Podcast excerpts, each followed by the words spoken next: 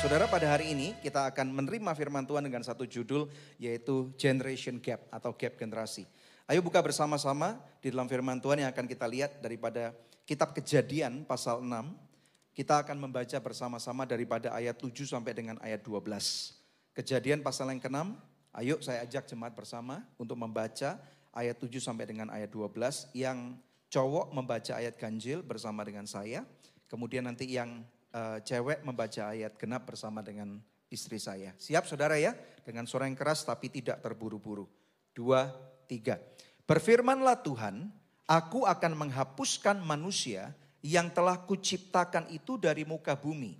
Baik manusia maupun hewan dan binatang-binatang melata dan burung-burung di udara. Sebab aku menyesal bahwa aku telah menjadikan mereka. Delapan. Delapan. Tetapi Nuh mendapat kasih karunia di mata Tuhan. Sembilan, inilah riwayat Nuh. Nuh adalah seorang yang benar dan tidak bercela di antara orang-orang sejamannya. Dan Nuh itu hidup bergaul dengan Allah. Sepuluh, Nuh memperanakkan tiga orang laki-laki, Sem, Ham, dan Yafet. Sebelas, adapun bumi itu telah rusak di hadapan Allah dan penuh dengan kekerasan. Dua belas, Allah menilik bumi itu dan sungguhlah rusak benar sebab semua manusia menjalankan hidup yang rusak di bumi. Haleluya. Saudara, tidak pernah di dalam firman Tuhan kita dapat melihat bagaimana Tuhan itu hatinya begitu sakit. Kita tahu memang sepanjang kehidupan orang-orang Israel, hidup mereka tidak selalu itu berkenan di mata Tuhan. Tetapi saudara, kita tahu bahwa pada kitab kejadian ini adalah suatu zaman permulaan. Di mana saudara Tuhan itu mempunyai suatu ekspektasi dan harapan yang sangat tinggi Makanya ketika Tuhan menciptakan manusia di dalam rupa dan gambarnya, salah satu alasannya yang terbaik adalah supaya saudara Tuhan tuh mau disembah oleh manusia atau ciptaannya bukan karena paksaan. Ini yang harus kita tahu. Tetapi kemudian saudara bagaimana yang namanya sifat atau natur dosa. Ketika Adam dan Hawa jatuh dalam dosa. Dan itu kemudian menjadi satu bibit dosa yang dibawa, dikandung oleh setiap manusia. Sehingga kita tahu bahwa kita tidak perlu diajar untuk berdosa, tetapi ada saja caranya sehingga kita sejak dari kecil sampai tua, saudara ya, kita akan selalu mempunyai kecenderungan untuk berbuat dosa. Ada amin, betul saudara ya. Kita yang sudah kenal Tuhan aja udah seperti itu, apalagi orang-orang yang belum kenal Tuhan, belum kenal penebus. Jadi dari sini kita dapat melihat bagaimana Tuhan berkata, aku akan menghapuskan manusia yang telah kuciptakan. Bapak Ibu sekalian, saya melihat bahwa kondisi pada zaman Nuh itu dan kondisi pada zaman sekarang di zaman modern ini ada banyak sekali kemiripan. Memang zamannya berbeda ya saudara ya, teknologinya berbeda, tentunya zaman-zaman atau model daripada alamnya juga pasti banyak perubahan saudara. Tetapi di sini ada satu kemiripan bahwa firman Tuhan mengatakan bahwa hidup manusia itu rusak. Nah saudara saya mau highlight ada satu kata-kata yang ada di ayat 11. Dikatakan oleh firman Tuhan, adapun bumi itu telah apa saudara? Rusak. Rusaknya karena apa? Satu karena dosa. Yang kedua, dikatakan di hadapan Allah dan penuh dengan kekerasan. Mari kita lihat kata-kata kekerasan. Bapak Ibu sekalian, rupanya kalau kita lihat daripada bahasa aslinya, kekerasan itu artinya adalah hamas. Jadi saudara ini ring a enggak? Ini saudara ingat sesuatu enggak? Ada kata-kata yang namanya hamas itu. Bapak Ibu sekalian ada satu konflik yang sedang terjadi di Timur Tengah. Kita tidak bisa memihak karena itu sebenarnya memang bukan urusan kita. Tetapi kita dapat melihat bahwa sebenarnya dari mana asal usulnya ini saudara. Kalau firman Tuhan mengatakan bahwa kata-kata kekerasan itu bahasa aslinya dalam bahasa e, Ibraninya adalah Hamas, artinya apa daripada Hamas ini?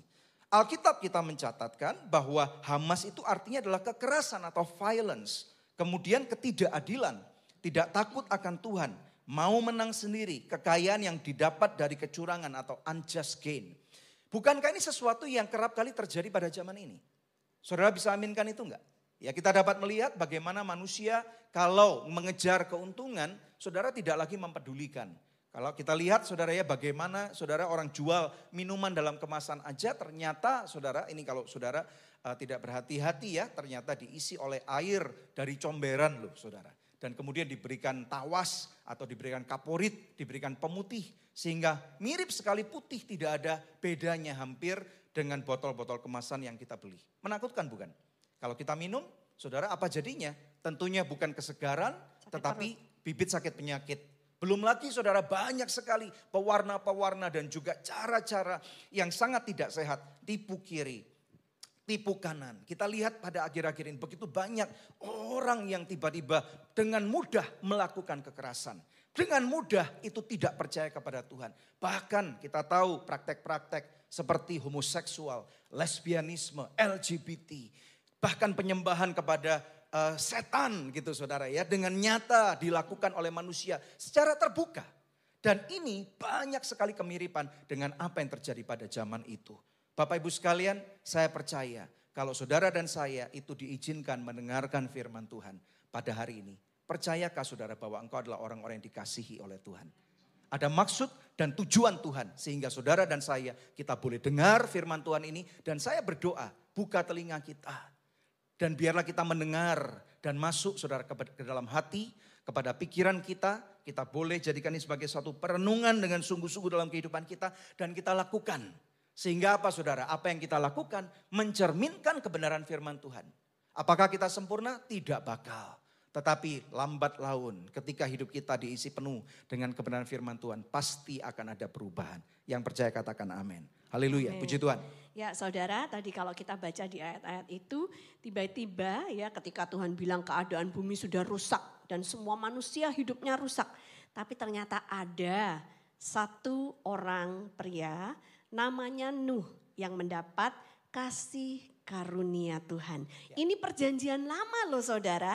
Ya di perjanjian lama itu kasih karunia tidak diberikan secara bebas seperti dalam perjanjian baru. Betul. Tapi di situ pun kita bisa melihat ada kasih karunia Tuhan yang diberikan kepada manusia. Karena Tuhan itu berencana mau menghabiskan umat manusia karena dia menyesal membentuk manusia. Tapi karena kasih karunia-Nya sampai hari ini manusia tuh masih ada di atas muka bumi. Ya saudara ya. Nah berapa banyak di antara saudara yang yakin dan percaya bahwa sekarang di zaman ini yang mirip juga dengan zamannya Nuh. Kita adalah orang-orang yang mendapatkan kasih karunia Tuhan. Yang percaya katakan amin, angkat tangannya ya. Yang nonton juga boleh uh, kasih jempol ya, bilang saya percaya saya mendapatkan kasih karunia Tuhan. Kasih karunia itu apa saudara? Kasih karunia itu bahasa Inggrisnya adalah grace. Bahasa aslinya adalah karis ya saudara. Makanya uh, ada anak-anak perempuan yang diberi nama orang tuanya Karisa gitu ya. Artinya itu grace gitu saudara ya. Grace atau kasih karunia ini adalah unmerited favor. Perkenanan Tuhan yang diberikan tanpa kita melakukan sesuatu, tanpa kita uh, melakukan perbuatan-perbuatan yang layak untuk mendapatkan hal itu. Karena semestinya grace itu kita dapatkan bukan karena kita layak. Ada amin saudara. Tapi karena kita dilayakkan Tuhan mau memberikan hadiah itu kepada kita dalam bentuk kasih karunia. Yang percaya katakan amin. Ya, coba lihat kanan kirinya bilang kamu sudah menerima kasih karunia. Amen. Aku juga gitu ya. Haleluya. Nah, Saudara, jadi kita lihat saudara ya bagaimana keadaan manusia pada waktu itu. Semuanya sudah kehilangan kemuliaan Allah. Persis yang ditulis di Alkitab saudara ya. Semua manusia itu kalau nggak ada Tuhan mau jadi apa hidupnya? Tidak ada batasan-batasan hukum. Tidak ada peraturan-peraturan. Ya, jadi akhirnya liar, rusak Ya saudara, dan itu kita lihat di Alkitab bukan cuma sekali, dua kali, berkali-kali terjadi. Di Morning Devotion kami sedang membahas kitab Hakim-Hakim. Kemarin kita membahas Hakim-Hakim 19, 20, 21 dan itu adalah satu seri di mana kejadiannya mirip juga saudara seperti zaman Nuh. Bagaimana manusia di zaman Hakim-Hakim juga jadi tambah jahat Ya, bagaimana di kalangan orang-orang Israel pada waktu itu bisa terjadi pemerkosaan rame-rame sampai ini perempuan meninggal dunia saudara ya. Lalu apa yang terjadi? Lalu yang laki motong-motong mayatnya dari perempuan itu dikirim ke sebelah suku Israel yang lain untuk minta pertanggungjawaban. Kok ada kekejian macam ini terjadi di tengah bangsa Israel pada waktu itu.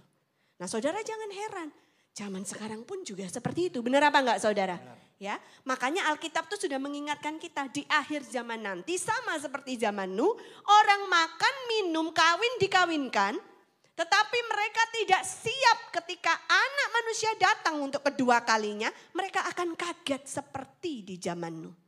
Tetapi Nuh mendapatkan kasih karunia Tuhan. Nuh diberitahu oleh Tuhan, nanti akan ada banjir besar. Persiapkan bahtera. Bahtera itu apa Tuhan? Nuh nggak tahu. Karena di beberapa tulisan dikatakan zaman itu dulu hujan aja belum pernah turun. Gimana mereka mau membayangkan banjir? Banjir itu apa? Banjir aja nggak tahu, apalagi air bah, saudara. Ya, nah tapi karena Nuh itu punya relationship yang dekat sama Tuhan, dia tidak meragukan apa yang Tuhan katakan kepadanya. Dan dia melakukan persis seperti yang Tuhan perintahkan kepadanya. Dia membangun bahtera itu sehingga dia dan seluruh isi keluarganya dan eh, hewan-hewan uh, darat bisa diselamatkan kelangsungan hidupnya.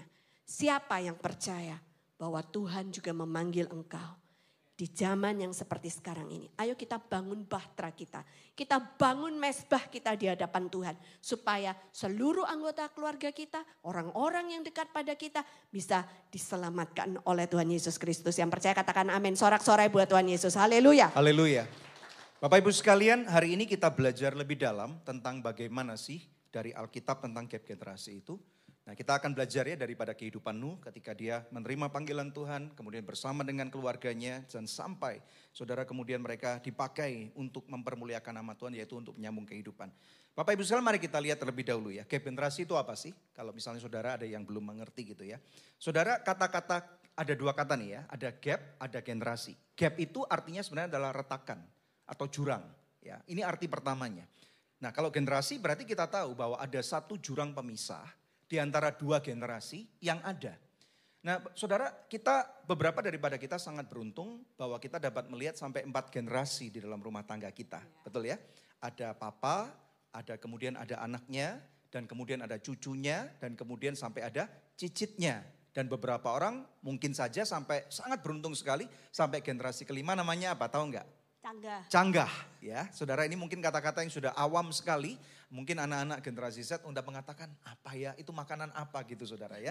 Karena saudara udah banyak sekali, uh, ini ada ironisnya. Ada banyak sekali orang-orang yang tidak mempunyai atau pengenalan saudara akan siapa nenek moyang mereka. Padahal at the same time, tahu nggak bahwa rentan usia manusia, lifespan itu semakin lama semakin panjang. Ya, saudara, zaman dulu kalau kita lihat kayaknya orang-orang yang umur 50-an, 60-an itu kayaknya udah tua sekali saudara. Tetapi zaman sekarang orang-orang yang umur 70-an, 80-an ada bahkan dikatakan 60 is the new 40 gitu saudara ya. Dan bahkan di gereja ini ada 80 is the new 40 gitu. Betul nggak ya? Puji Tuhan ya, saudara ngerti apa yang saya maksudkan lah ya. Haleluya. Nah saudara, rentan kehidupan lebih panjang tetapi tidak sedikit daripada anak-anak ini sekarang malah nggak mau menikah. Dan bahkan tidak sedikit yang nggak mau punya anak. Jadi ini ada apa saudara ya? Nah saya melihat salah satunya karena ada banyak anak-anak yang merasa pahit dengan orang tuanya. Atau mereka merasa bahwa enggak deh aku enggak mau punya kehidupan pernikahan yang seperti orang tua aku. Artinya apa? Bahkan anak saya mengatakan, saudara yang yang cowok, yang James itu mengatakan, I don't need a girlfriend gitu. Ya karena apa? Nanti repot punya pacar gitu saudara ya. Repot sekarang, banget. Sekarang. Saya selalu bilang, sekarang James, is okay, tenang aja gitu. Waktunya akan datang gitu. Nah jadi gap generasi itu adalah retakan atau jurang yang memisahkan dua generasi. Terjadinya dari mana saudara? Terjadinya daripada perbedaan nilai. Nilai-nilai atau value di dalam kehidupan antara orang tua dan anak, saudara. Nah ini bingung, kenapa dalam satu rumah tangga nilainya bisa berbeda? Nah nanti kita akan lihat itu saudara. Dan kemudian padahal mungkin saja yang diributkan itu adalah hal yang sama. Mereka tidak mau rugi. Tadi dikatakan seperti Priska di sini saudara ya. Dia udah bertobat, dia udah dipulihkan oleh Tuhan. Eh mamanya malah apa ya, mama kok nggak ingat gitu saudara ya, kan istilahnya nggak fair banget gitu saudara. Nah ini yang kerap kali terjadi. Dan kemudian kalau kita tidak mengerti bahwa bahkan tidak melihat bahwa ini menjadi suatu masalah, maka akan dapat menimbulkan satu friksi. Friksi itu artinya gesekan dan bahkan kemudian bisa menjadi eh, sumber perpecahan antara dua generasi yang ada. Dan maka saudara kalau kita tidak mawas diri, saudara coba lihat di gereja-gereja secara global Bukan cuma satu dua gereja, saudara, tapi secara global. Semakin banyak anak-anak muda yang tidak lagi mau ke gereja. Ada satu generasi yang ditakutkan akan hilang nih. Lost generation. Kenapa bisa demikian? Karena anak-anak muda merasa bahwa gereja tidak lagi relevan. Tidak lagi menjawab tantangan daripada zaman ini. Ah itu kan cerita kuno dari Alkitab. Nggak sesuai ada apa itu blockchain, apa itu kripto, apa itu internet, gereja sebelum pandemi bahkan itu lebih parah lagi. Tidak lagi mau tahu tentang apa yang anak-anak muda pedulikan. Tetapi sekarang saudara kita tahu bahwa gereja semakin aware dan kita tahu tugas kita adalah untuk memenangkan generasi-generasi yang terhilang. Ada amin. Saudara ada panggilan Tuhan bagi engkau, bagi saya. Yaitu apa? Tuhan Yesus berkata, kamu adalah garam dan terang dunia. Di tengah-tengah kecarut marutan dunia, di tengah-tengah kegelapan, mau nggak saudara menjadi terang, terang dan garam dunia? Seperti apa yang Nuh alami? Dia ditemukan oleh Tuhan, tidak bercelah. Saudara, makanya kita lihat beberapa poin-poin penting apa yang kita mesti pelajari. Bagaimana supaya uh, gap generasi itu bisa semakin lama, semakin kecil. Ada amin? Amin. Mari kita belajar. Ya. Nah saudara, pertama gini saudara ya setiap generasi tidak boleh merasa lebih baik daripada generasi yang sebelumnya yes. gitu ya. Atau generasi yang sebelumnya tidak boleh merasa lebih baik daripada generasi yang setelah dia ya. Kita sering dengar tuh orang-orang tua kalau ngomong, kalau zaman dulu itu ya, wah Opa itu kalau jalan ya dari Malang sampai Surabaya jalan kaki tahu nggak gitu. Kamu ini terlalu manja sudah enak gitu kan ya. Kalau James itu bilang, Mami dulu zamannya Mami naik gunung turun gunung dua kali sampai ke sekolah ya. Enggak. ya saudara ya. Jadi kita nggak boleh merasa lebih hebat daripada anak kita, lebih hebat daripada cucu kita. Lu mah nggak tahu apa-apa, zaman opa dulu susah ya. Tapi justru dari kesusahan itu lihat opa menjadi orang yang hmm, tangguh. Kalau anak zaman sekarang mentalnya hmm, men, apa mente, mentalnya tempe, ya melempem gitu ya saudara ya. Generasi muma, generasi strawberry, lihat kelihatannya aja cantik tapi uh, kena gesek dikit langsung bonyok gitu saudara ya. Nah ini adalah komentar-komentar yang membuat jurang pemisah semakin lebar. Semakin mereka nggak mau terbuka sama kita. Karena mereka tahu cara berpikir kita. Melihat mereka itu jelek. Melihat mereka itu nggak baik, jahat gitu saudara ya. Tambah anak cucu cicit kita nggak mau mendekat sama kita. nggak mau bercerita, nggak mau menceritakan pergumulan mereka. Atau kalau mereka datang sama kita jangan pernah bilang, halah gitu aja lo, gampang itu mah gitu ya. Jangan pernah mengecilkan pergumulan mereka. Mungkin di zaman kita itu gampang. Tapi di zaman mereka mungkin itu susah. Ya saudara, setiap zaman punya pergumulannya sendiri-sendiri saudara. Coba kalau kita pikirkan zaman sekarang, mereka dibombardir dengan begitu banyak informasi. Nah mereka adalah pribadi-pribadi yang katakanlah kalau anak-anak remaja belum matang, belum dewasa. Mereka belum bisa memfilter mana yang bagus, mana yang tidak bagus untuk dirinya. Makanya perlu bimbingan orang tua untuk menuntun mereka tanpa judgment, tanpa penghakiman ya untuk mengajarkan pada mereka ulang berulang dengan sabar supaya mereka akhirnya mengerti cara pandang kita, mengerti cara berpikir kita. Ada amin. Siapa yang mau belajar hari ini? Haleluya. Ya, para orang tua angkat tangan mau belajar. Bagaimana dengan anak-anak?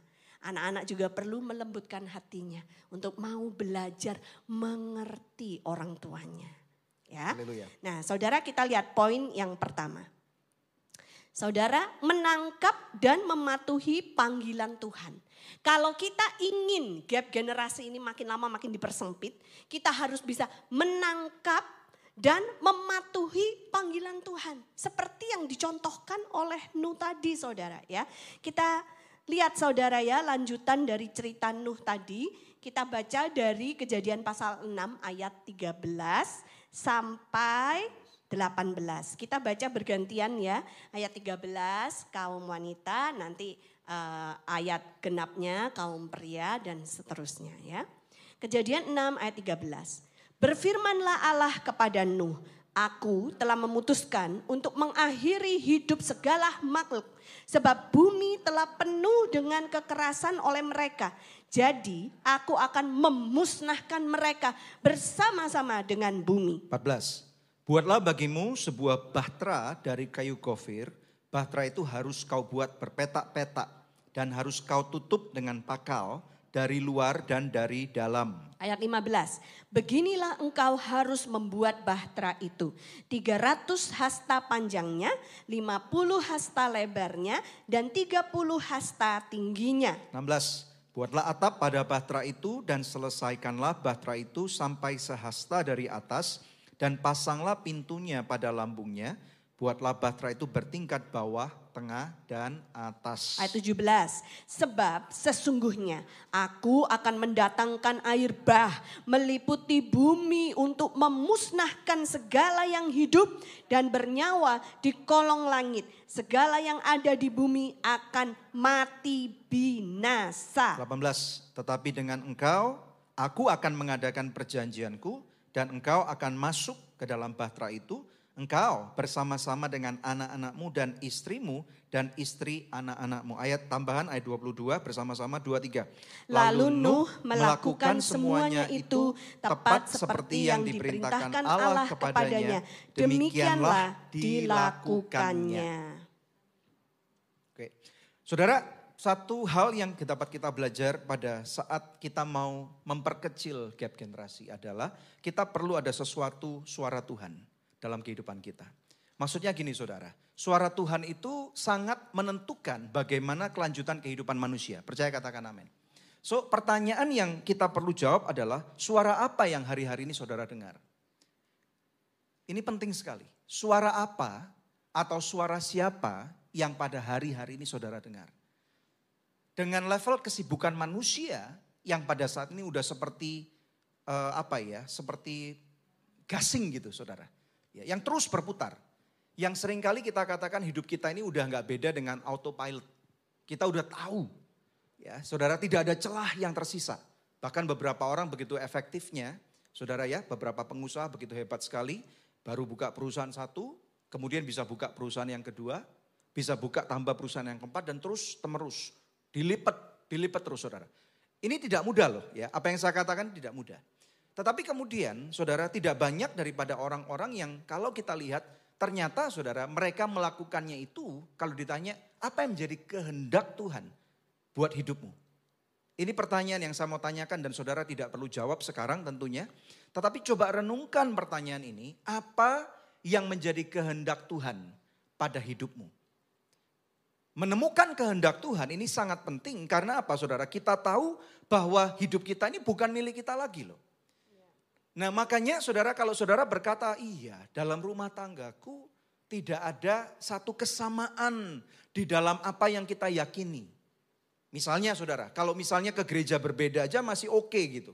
Saudara bayangkan zaman sekarang orang juga tambah banyak yang menikah beda kepercayaan, betul nggak? Yang kedua, kalau sudah beda kepercayaan, yang beberapa anak ikut papa, beberapa anak kemudian ikut mama, saudara, dan kemudian nanti pertanyaannya kan dalam hidup itu pasti akan ada konflik ya.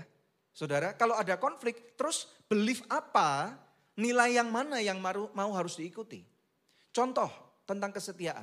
Ya saudara, bayangkan ini kalau sama-sama menikah satu suku aja udah saudara antara gang kiri dan gang kanan aja bisa ribut loh. Cara pandangnya.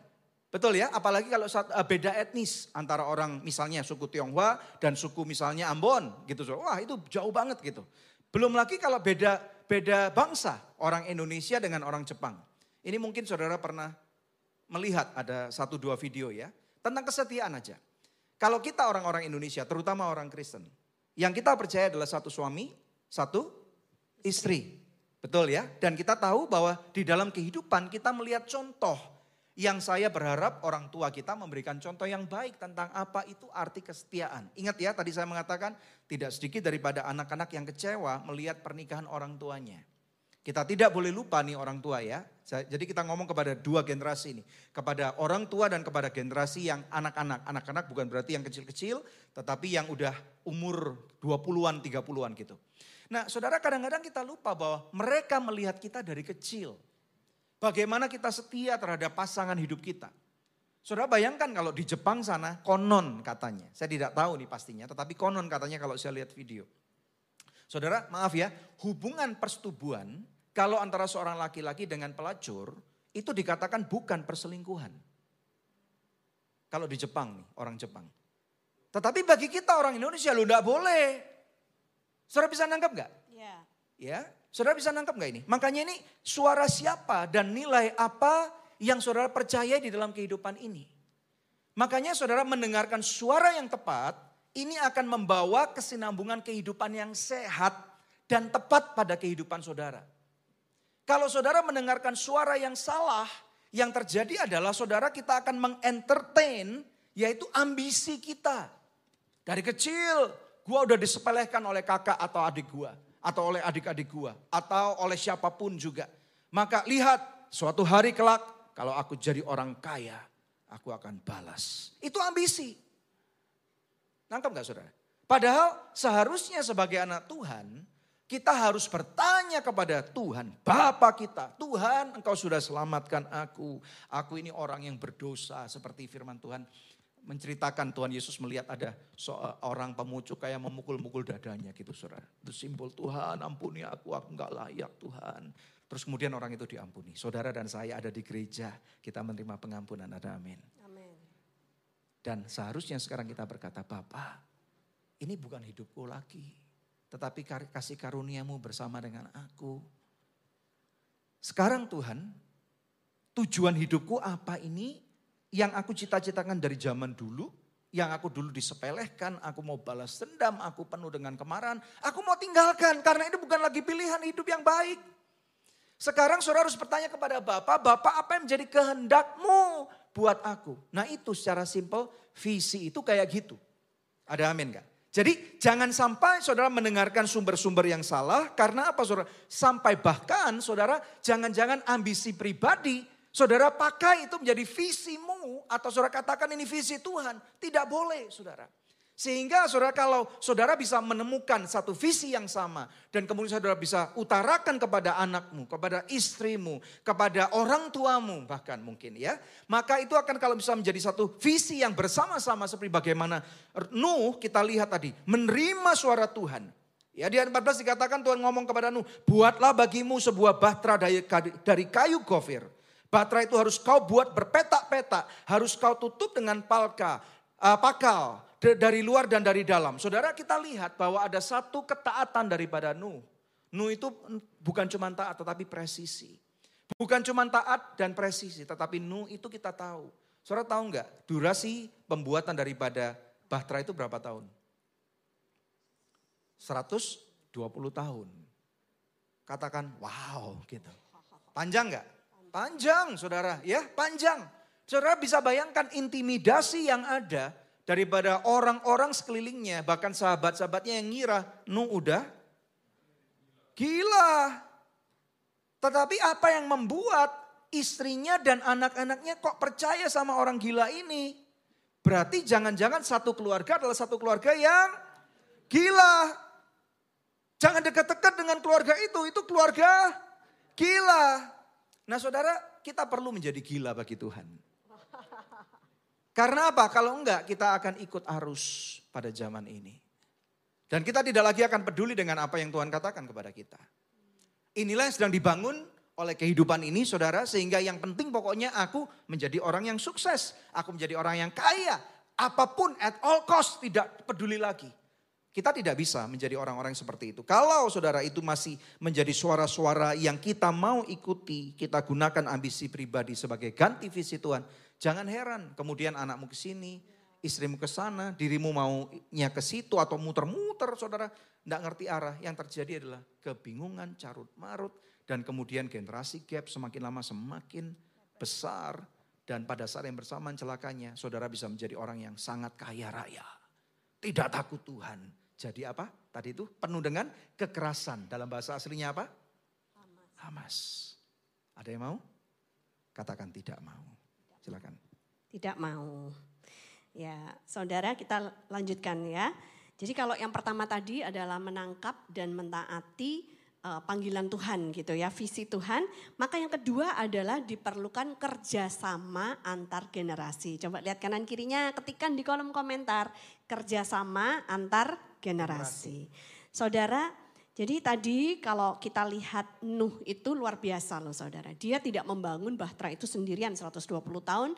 Tentu disupport sama istrinya, disupport sama ketiga anaknya dan calon mantu-mantunya saudara ya. Dia membangun Bahtera kalau dia dan tiga anak laki-lakinya bangun, tentu istrinya mungkin dengan calon mantunya yang masak di dapur, nyiapin makanan supaya mereka bisa kuat energinya balik lagi, bisa bangun lagi. 120 tahun itu lama banget saudara ya. Dan kita lihat bahtera itu apa sih? Bahtera dalam bahasa aslinya adalah tefah.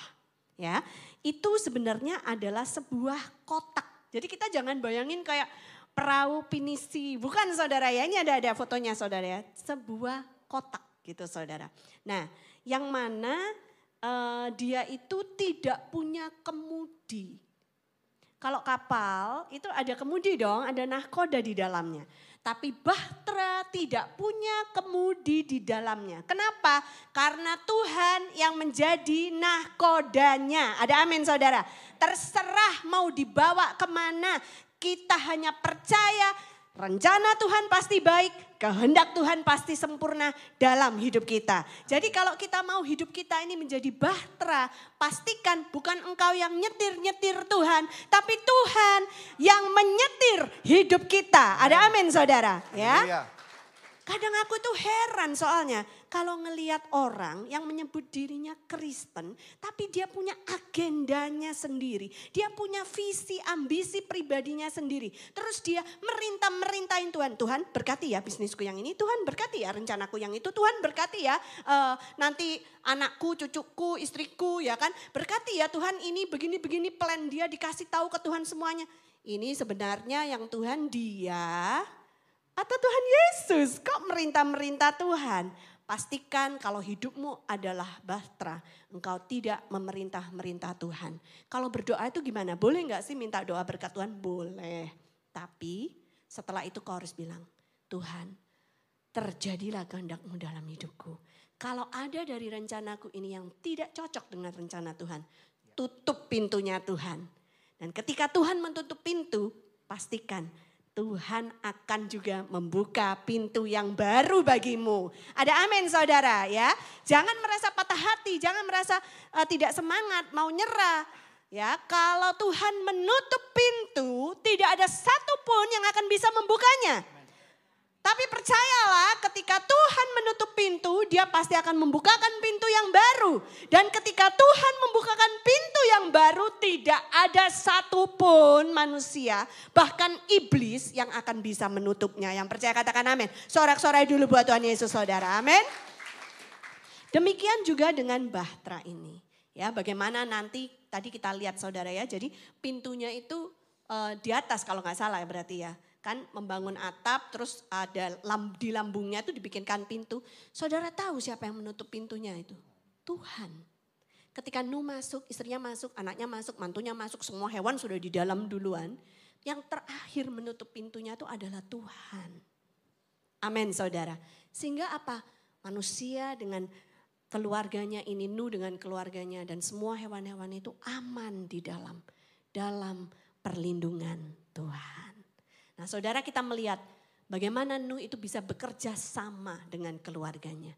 Kita perlu kerja sama dengan anggota keluarga kita. Nah, untuk bisa kerja sama tentu ya anak-anak itu nggak mungkin langsung percaya sama orang tuanya kecuali orang tuanya itu sudah punya track record yang baik. Anak-anaknya itu mencatat bahwa orang tuanya itu bisa dipercaya. Nah untuk bisa terjalin kerjasama yang seperti ini tentu diperlukan komunikasi yang baik.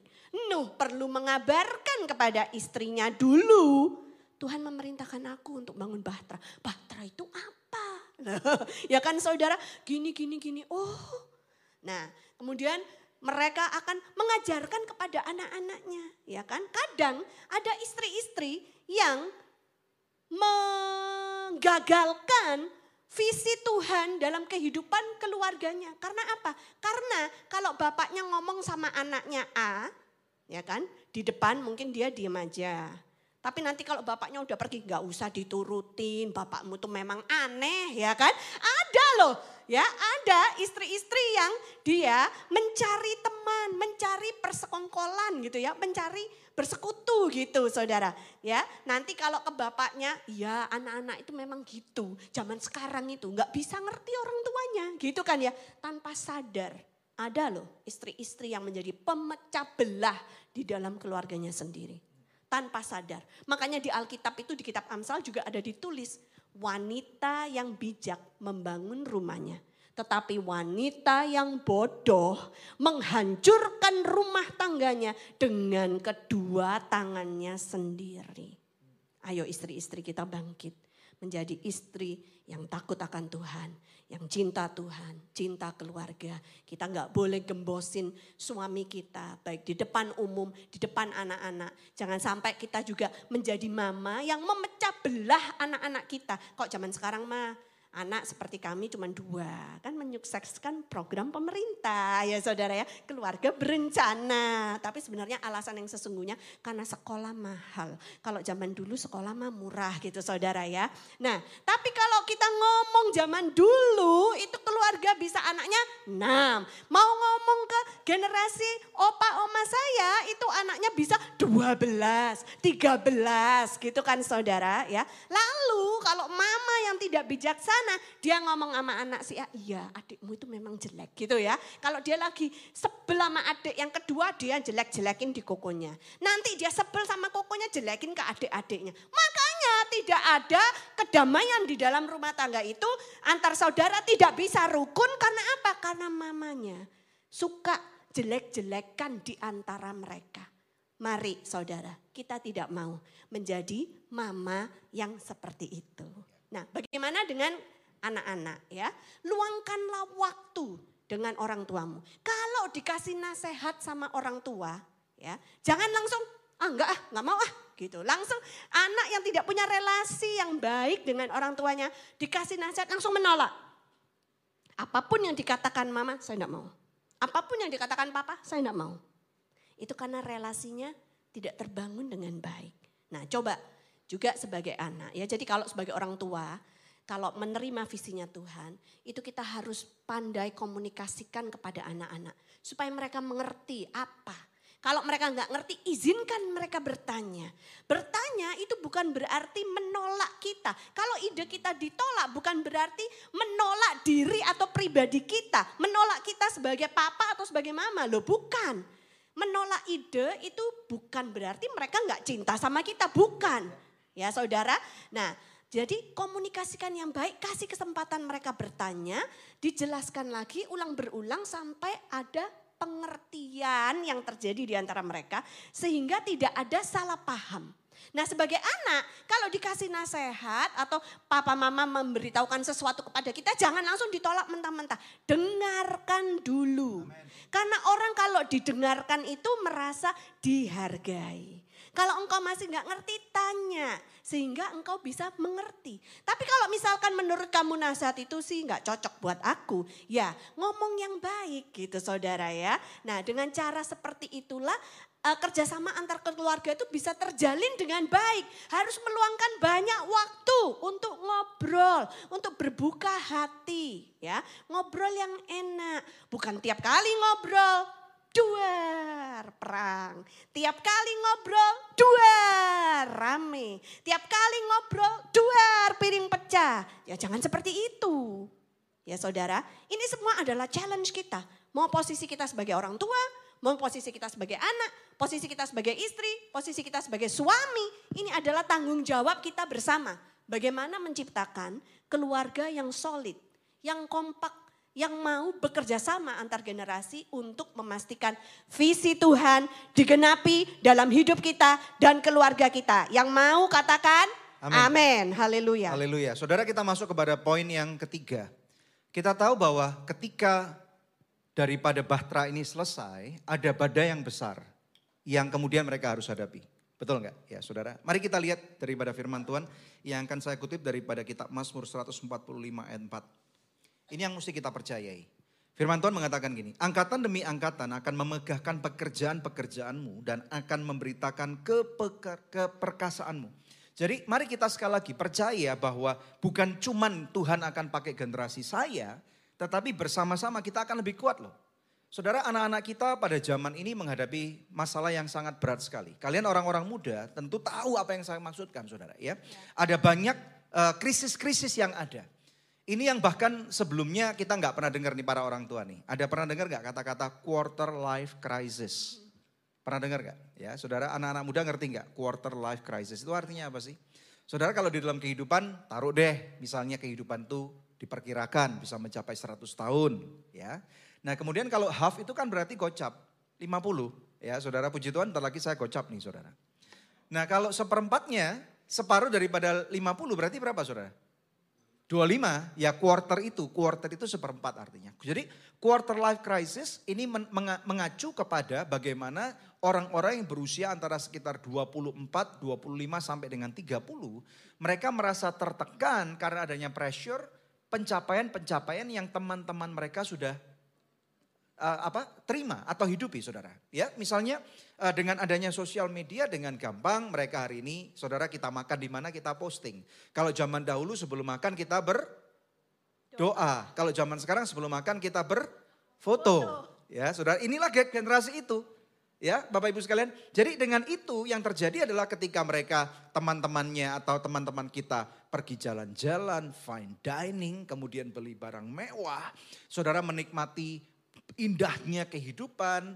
Lihat, lihat, lihat, lu lihat nggak? Yang lu lihat adalah hal-hal yang indah, yang tidak bisa lu lihat karena apa? Lu sibuk bekerja.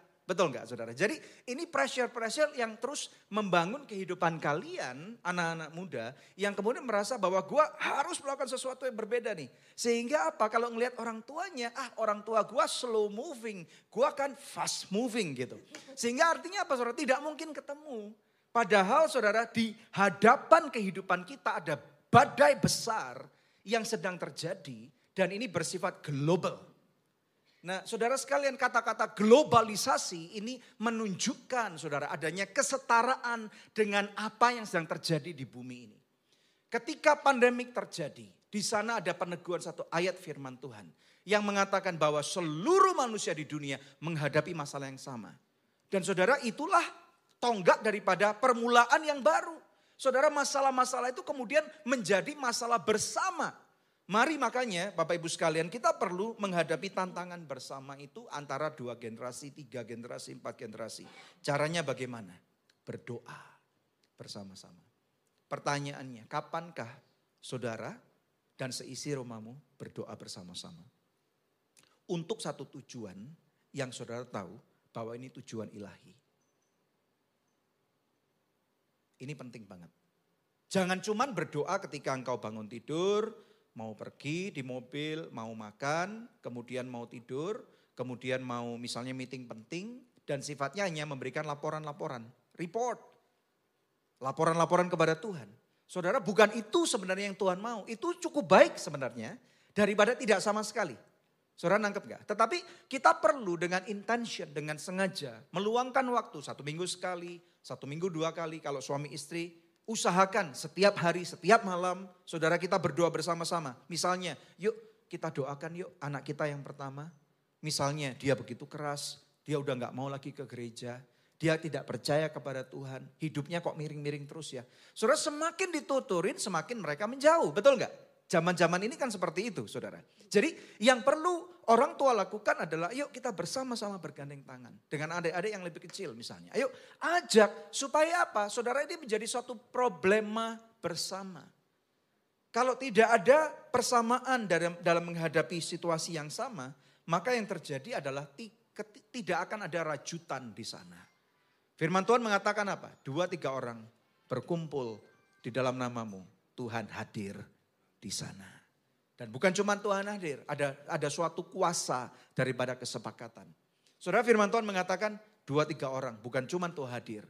Tetapi ketika engkau menghadapi pergumulan, Tuhan bertanya, apa masalahmu? Dan kemudian kalau Tuhan berkata, aku akan selesaikan masalahmu. Saya berdoa, biarlah ada suara Tuhan yang kau dengar ketika engkau mendengarkan firman Tuhan ini. Bahwa Tuhan turut bekerja mendatangkan kebaikan. Dan ketika engkau berani membawa ini sebagai satu, satu kunci perubahan.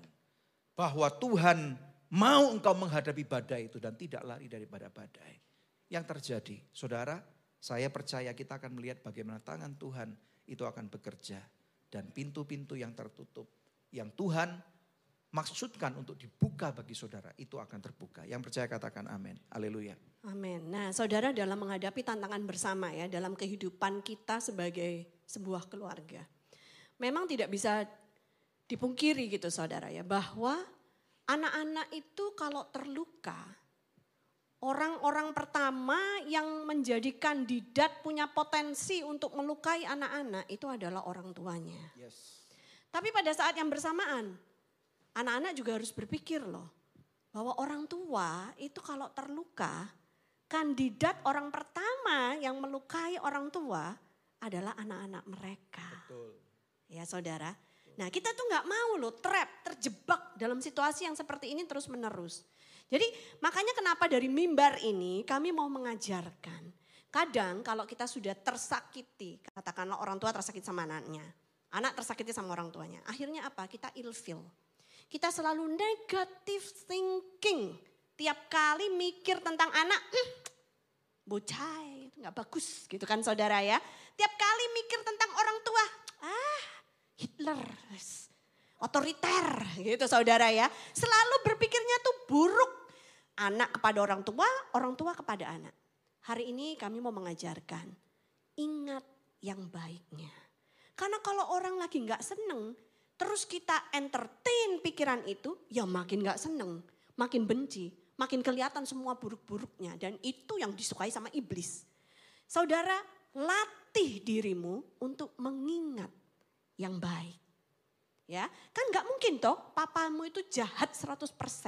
Kan nggak mungkin toh papamu tuh seluruh hidupnya salah melulu. Ada kan hal-hal baik yang papamu lakukan.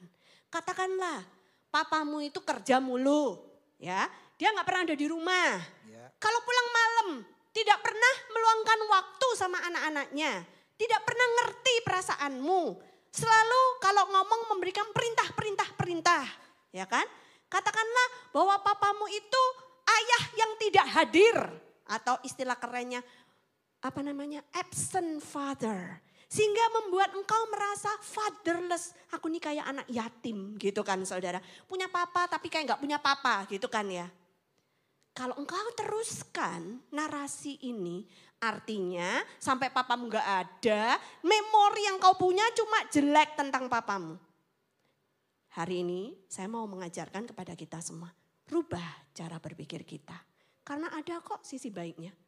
Papaku memang nggak pernah di rumah karena papaku pekerja keras. Dia kalau pagi selalu bangun, rajin, bukan orang yang malas.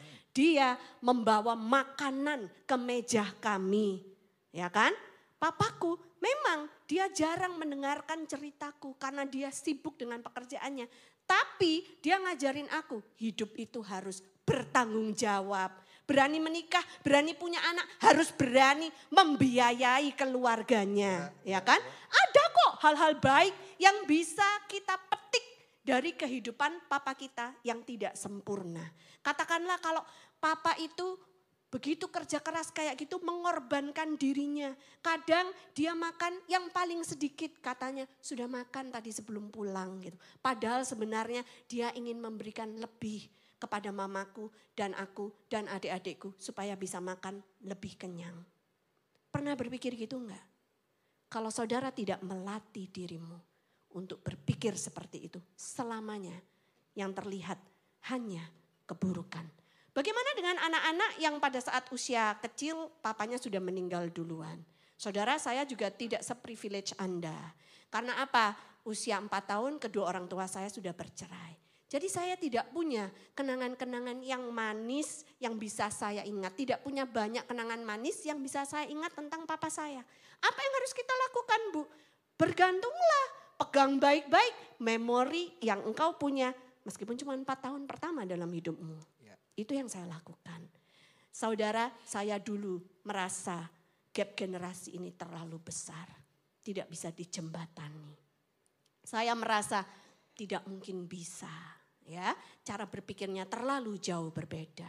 Lalu uh, karena papa pergi meninggalkan rumah, mama harus sebagai single mom bekerja keras untuk memastikan anak-anaknya ini bisa dinafkahi dengan baik, bisa sekolah dengan baik. Lalu saya juga merasa nggak puas, kok mama tidak pernah uh, merawat saya, tidak pernah menjadi mama seperti mama-mama yang lain, tidak pernah barengin saya, ya kan? Yang terlihat cuman jelek-jeleknya saja. Tapi ketika saya menerima Yesus, Metanoia itu harus terjadi saudara. Oh, yes. Pembaharuan budi, pembaharuan cara berpikir. Kenapa yang saya lihat cuma yang jelek-jelek saja? Kenapa saya tidak bisa melihat yang baik? Bahwa memang benar mama saya tidak bisa meluangkan banyak waktu dengan saya. Tapi dia adalah mama yang bertanggung jawab. Karena dia bekerja dengan keras, saya dengan adik-adik saya bisa mendapat pendidikan yang layak. Bahkan bisa sekolah di luar luar negeri terima kasih kepada mama untuk kerja kerasnya selama ini. Kalau kita mau berpikir kurang-kurang mulu saudara. Tidak akan pernah ada baiknya itu orang tua kita.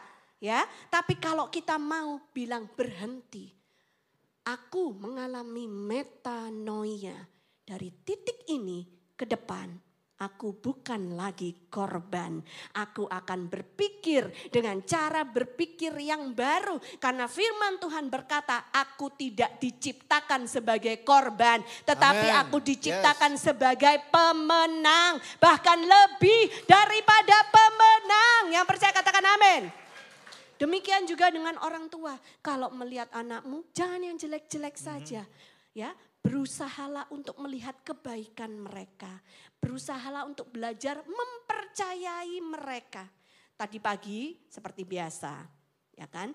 Kalau pengkhotbah laki-laki mau khotbah, malam sebelumnya dia bisa punya waktu untuk menyiapkan khotbahnya. Pagi juga gitu tidak diganggu menyiapkan khotbahnya. Tapi kalau pengkhotbah perempuan malam tetap harus masak, pagi juga tetap harus masak kalau enggak keluarganya makan apa gitu kan saudara ya um, saya sedang membuat sarapan pagi ya ada telur kukus macam cawan musi gitu saudara. Terus bikin kukusan sayur ya kan. Terus belum motong buah eh motong sayur kol yang eh, tengahnya agak keras gitu. Wah terkena iris jari tengah saya ya kan.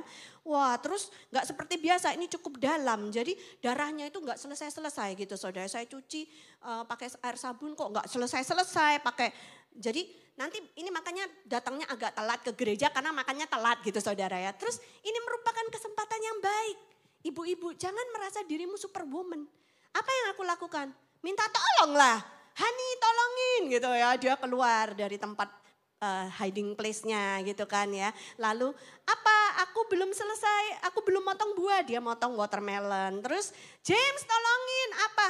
Tolongin James uh, sayur ini harus dicuci dengan air garam gitu kan ya. Jadi James membantu gitu kan ya. Ini kerjasama antar generasi gitu loh saudara. Karena Oma Hendrata ini barusan operasi katarak dua hari yang lalu. Beberapa bulan yang lalu sudah operasi katarak mata sebelah kiri. Hari ini eh dua hari yang lalu ini mata sebelah kanan gitu saudara ya. Nah jadi ini kerjasama antar generasi. Dan sebenarnya dengan melakukan hal itu juga ada value yang diajarkan kepada James. Oh gini caranya menyiapkan makan pagi. Oh gini caranya untuk menjaga orang tua kita ketika mereka sudah tua dan membutuhkan kita.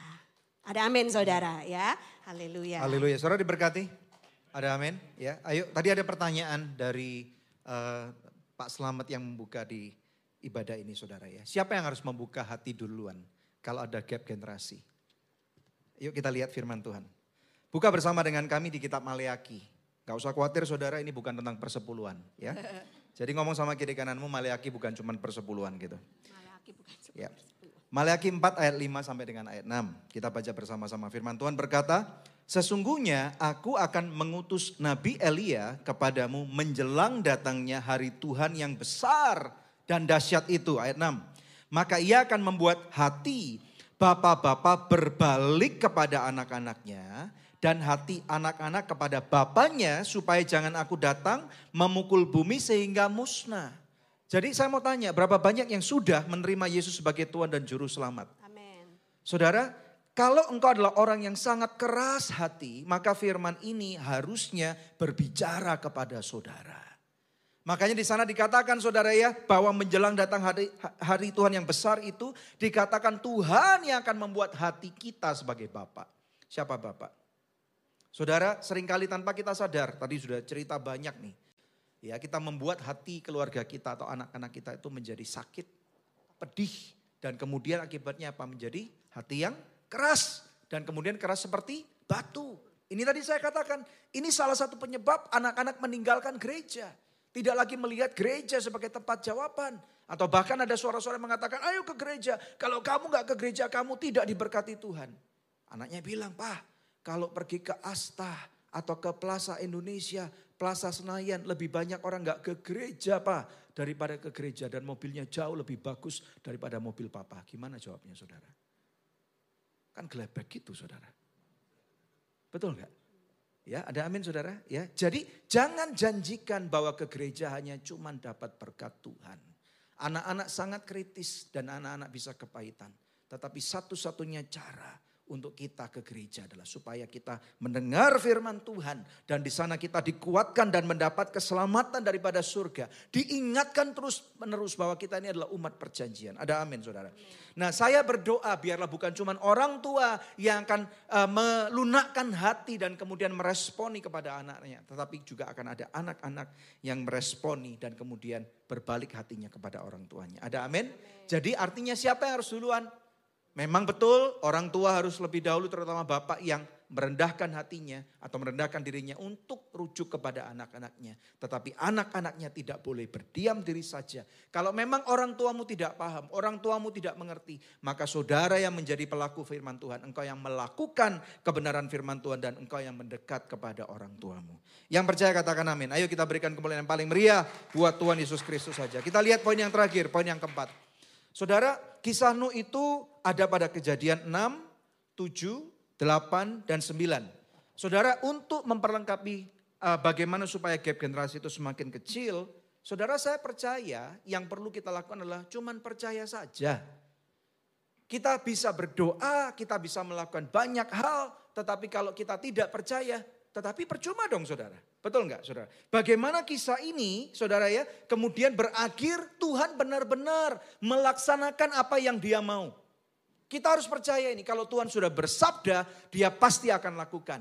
Saudara tidak, saya tidak tahu apa yang menjadi suara Tuhan atau suara kenabian atau visi Tuhan buat kehidupan saudara. Mungkin saja pada saat ini saudara lagi menunggu apa yang jadi kehendak Tuhan digenapi pada kehidupanmu. Saudara 120 tahun mereka menunggu janji Tuhan digenapi. Saudara 120 tahun ini kenapa begitu lama? Karena Tuhan itu panjang sabar. Sebenarnya Tuhan tidak mau hanya menyelamatkan cuma 8 orang. Saudara Tuhan berharap di detik yang terakhir akan ada satu orang saja lagi yang bertobat. Tuhan mengharapkan satu keluarga lagi saja yang bertobat. Saudara mungkin Tuhan mengharapkan ada sepupunya Nuh yang bertobat. Tuhan mengharapkan ada teman kecilnya Sam, Ham, dan Yafet yang bertobat. Tuhan mengharapkan ada teman ibu-ibu, saudara arisannya Nyonya Nuh atau Mrs. Noah untuk bertobat. Tetapi tidak ada yang bertobat. 120 tahun. Berapa banyak dari kita yang saudara bulan lalu berdoa dan kemudian sungguh percaya menerima daripada rema ataupun visi Tuhan, janji Tuhan. Katanya mau menyembuhkan tapi belum sembuh Tuhan. Tuhan engkau pembohong. Saudara baru satu minggu engkau sudah kehilangan asa. Berapa banyak dari saudara yang percaya bahwa pernikahanmu akan dipulihkan oleh Tuhan.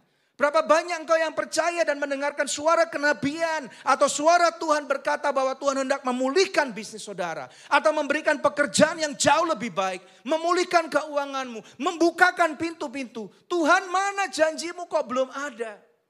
Saudara, kita itu manusia adalah makhluk pelupa. Jangan lupa Bapak Ibu sekalian, ketika kita membaca firman Tuhan, kita selalu melihat bagaimana apa yang Tuhan rencanakan selalu terjadi iya dan amin. Yang percaya katakan amin. Amin. Saudara, jangan lupa pula bahwa garis keturunan Nuh itu menjadi penerus daripada kehidupan. Sehingga saudara, salah satu daripada keturunan Nuh, pernah tahu enggak saudara? Firman Tuhan mengatakan bahwa Allah kita, Tuhan kita adalah Tuhan yang hidup. Bukan Tuhannya Nuh loh kata firman Tuhan. Tetapi siapa saudara? Allah, Dia adalah Allah Abraham, Ishak, dan Yakub. Saudara sadar nggak bahwa Abraham itu adalah cucu buyutnya Nuh? Saya pelajari nih saudara. Ternyata ada kemungkinan besar Abraham itu berjumpa langsung dengan Nuh. Bayangkan itu saudara. Generasi dari generasi. Ini waktunya kita untuk tidak putus asa.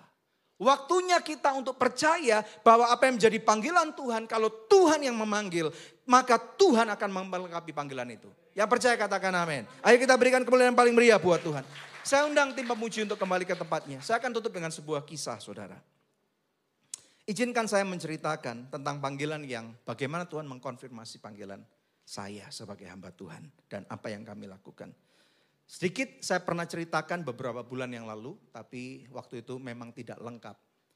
Di tahun 2015, saudara ya, waktu itu berarti kami sudah melayani Tuhan 10 tahun. Karena kami memberikan hidup menjadi hamba Tuhan full time itu sejak tahun 2005. Di tahun 2015 ada satu kesempatan untuk saya dan Pastor Debbie untuk melakukan penginjilan ke negeri Tiongkok. Ya saudara ya, satu rencana besar dibuat dan rame-rame saudara dengan beberapa orang teman untuk bahkan melakukan uh, lawatan Tuhan ibadah saudara di gereja-gereja rumah di sana underground churches. Pas minta visa saudara, Kan kita nggak boleh bohong sebagai hamba Tuhan. Kalau zaman itu di paspor itu ada pekerjaan saudara. Dan di pekerjaan itu saya tulis pendeta. Begitu petugas uh, apa imigrasi apa uh, kedutaan di sana itu baca paspor saya, dia bilang Pak, nggak mungkin dapat visa Pak. Kenapa? Karena Bapak pendeta. Lu kan saya mau jalan-jalan, saya ngomong gitu saudara. Nggak mungkin boleh Pak. Ini semua jadwal sudah tersusun dengan rapi saudara. Nah kemudian dia masuk ke dalam dan berdiskusi dengan supervisornya, kemudian dia keluar. Pak, satu-satunya cara Bapak bisa mendapatkan visa kunjungan turis adalah Bapak buat surat pernyataan bahwa Bapak tidak akan menyebarkan agama Bapak di sana. Wah, saya dalam bentuk apa pun. Wah, saya cukup keder juga nih saudara. Karena apa? Kalau nanti saya langgar dan itu harus saya tanda tangan di atas meterai, saya bisa dipenjarakan dalam waktu yang cukup lama. Nggak pulang dong saudara. Dan kemudian nanti kalau misalnya boleh pulang pun saya dideportasi, saya nggak bisa balik saudara. Padahal itu kan negeri nenek moyang saya gitu. Dan saya katakan, Pak ini kami sudah tiga kali balik, itu ada ada visa-visa Pak. Nggak mungkin bisa Pak. Dan benar saudara, saya disuruh suruh buat pernyataan itu tanda tangan di atas meterai 6 ribu. Jadi saudara apa yang kami lakukan, saudara kami berdua sepakat ya udah semua jadwal pelayan dibatalkan. Yang terjadi kami jadi jalan-jalan. Ya saudara, kemudian kami pelayanan di Hong Kong, selesai, kami ke Makau, pelayanan di sana selesai, kami pergi ke negeri Cina, ke Tiongkok itu. Dan orang tua kami nyusul bersama dengan anak-anak kami. Dan itu menjadi satu finding atau penemuan yang sangat merubah, saudara, kehidupan saya secara pribadi. Kami pergi ke rumah nenek moyang kami, saudara. Ada fotonya tolong ditayangkan. Ya saudara, jadi ada beberapa foto di sini ya. Jadi ini uh, di suatu tempat namanya Fuqing di China 2015. Saudara, yang membuat saya kaget adalah ketika sampai di rumah itu, saya tak lihat loh ini rumahnya kok bagus gitu banget saudara. Bagus dalam arti bukan rumah besar, tapi rumah kayu yang sangat rapi sekali dan juga ada banyak uh, apa namanya sertifikat-sertifikat gitu saudara. Dan saya tanya sama si om saya nih yang sebelah kanan bawa kantongan merah itu saudara. Melalui mama saya karena saya nggak bisa ngomong bahasanya saudara ya. Ini kenapa kok? Saya tanyakan beberapa pertanyaan. Nomor satu, ini apakah rumah ini rumah otentik, rumah asli? Jawabannya iya.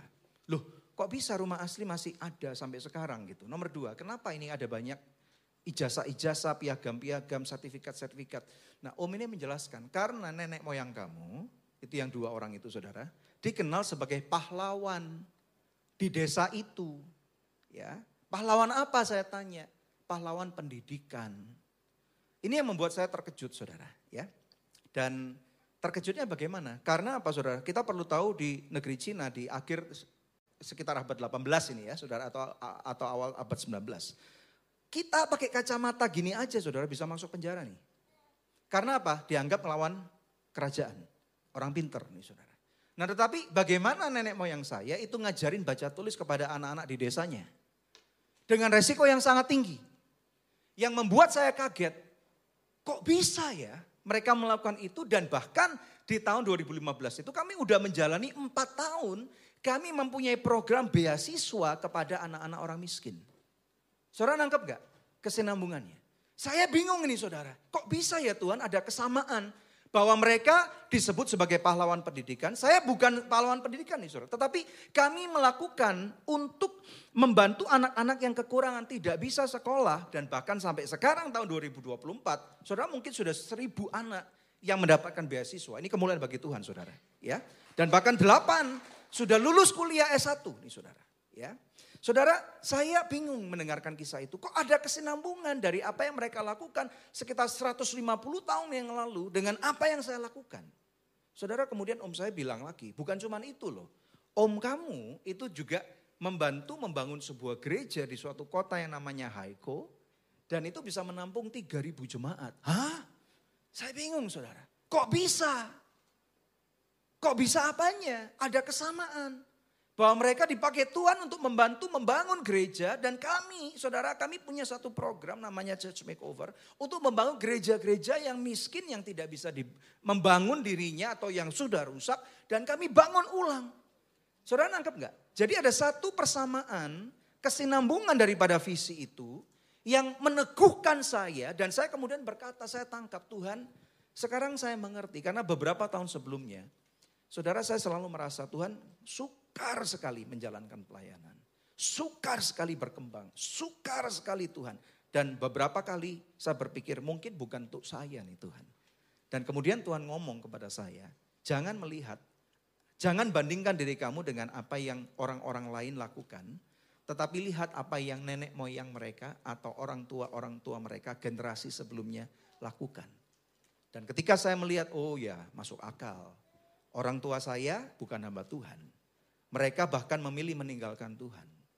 Bagaimana saya bisa mengharapkan bagaimana saya menerima warisan besar, warisan iman. Gak ada saudara. Ya, nangkep gak saudara? Dan kemudian saya mengatakan, oke okay, Tuhan, saya tidak akan uh, protes kembali kepada Tuhan. Saya akan jalani apa yang Tuhan mau supaya saya tahu sebenarnya yang saya lakukan adalah mempersiapkan untuk generasi anak-anak saya supaya mereka tidak mengalami kesusahan seperti saya.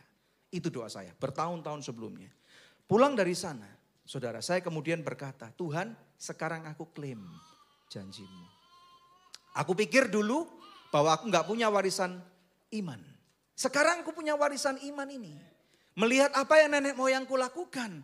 Bahkan mereka sudah menjadi orang percaya saudara. Itu meneguhkan panggilan saya. Makanya di poin yang keempat ini, maukah saudara percaya? Kalau engkau tahu bahwa engkau dipanggil oleh Tuhan. Maukah engkau percaya saja bahwa Tuhan yang akan memperlengkapi panggilan itu? Ada amin? Kalau Tuhan memberikan peneguhan itu, maka saya percaya Tuhan pun sanggup untuk memberikan peneguhan yang sama kepada saudara. Ada amin? Saudara diberkati? Mari kita berikan kemuliaan yang paling meriah buat Tuhan. Mari kita bangkit berdiri. Haleluya. Saya berdoa, biarlah ketika saudara mengaminkan apa yang kau dengar pada hari ini. Bahkan ketika kadang-kadang ada satu visi yang sudah terhilang. Saya berdoa, biarlah hidupmu menjadi kembali bermakna. Ketika engkau menemukan visi Tuhan itu. Pejamkan mata saudara. Sekaligus kita akan nanti akhiri kebaktian ini. Terima kasih Bapak. Untuk semua kebaikanmu yang kami rasakan lebih daripada hidup. Saudara kalau engkau tahu bahwa Tuhan sedang berbicara sesuatu kepada saudara. Engkau boleh angkat tangan di mana. Kalau engkau selama ini bergumul untuk anak-anakmu. Atau mungkin engkau selama ini bergumul untuk pemulihan hubunganmu dengan orang tuamu. Engkau boleh angkat tangan di mana engkau berdiri. Tuhan, kami percaya engkau adalah Tuhan yang memulihkan. Dan saat ini Tuhan, biarlah Tuhan engkau melawat anak-anakmu. Lawat Tuhan. Supaya Tuhan terjadi pemulihan dan Tuhan ada satu gap generasi yang akan terus diperkecil. Dan bersama-sama Tuhan kami akan mempermuliakan namamu. Terima kasih Bapak, terima kasih. Dan Tuhan, terima kasih untuk semua kemurahan dan kebaikan. Dan kami nyatakan Tuhan, bahwa iblis engkau tidak punya kuasa atas keluarga kami. Engkau enggak punya kuasa atas anak-anak kami. Engkau enggak punya kuasa atas orang tua kami. Dan aku ucapkan berkat pemulihan buat anak-anak di dalam nama Yesus.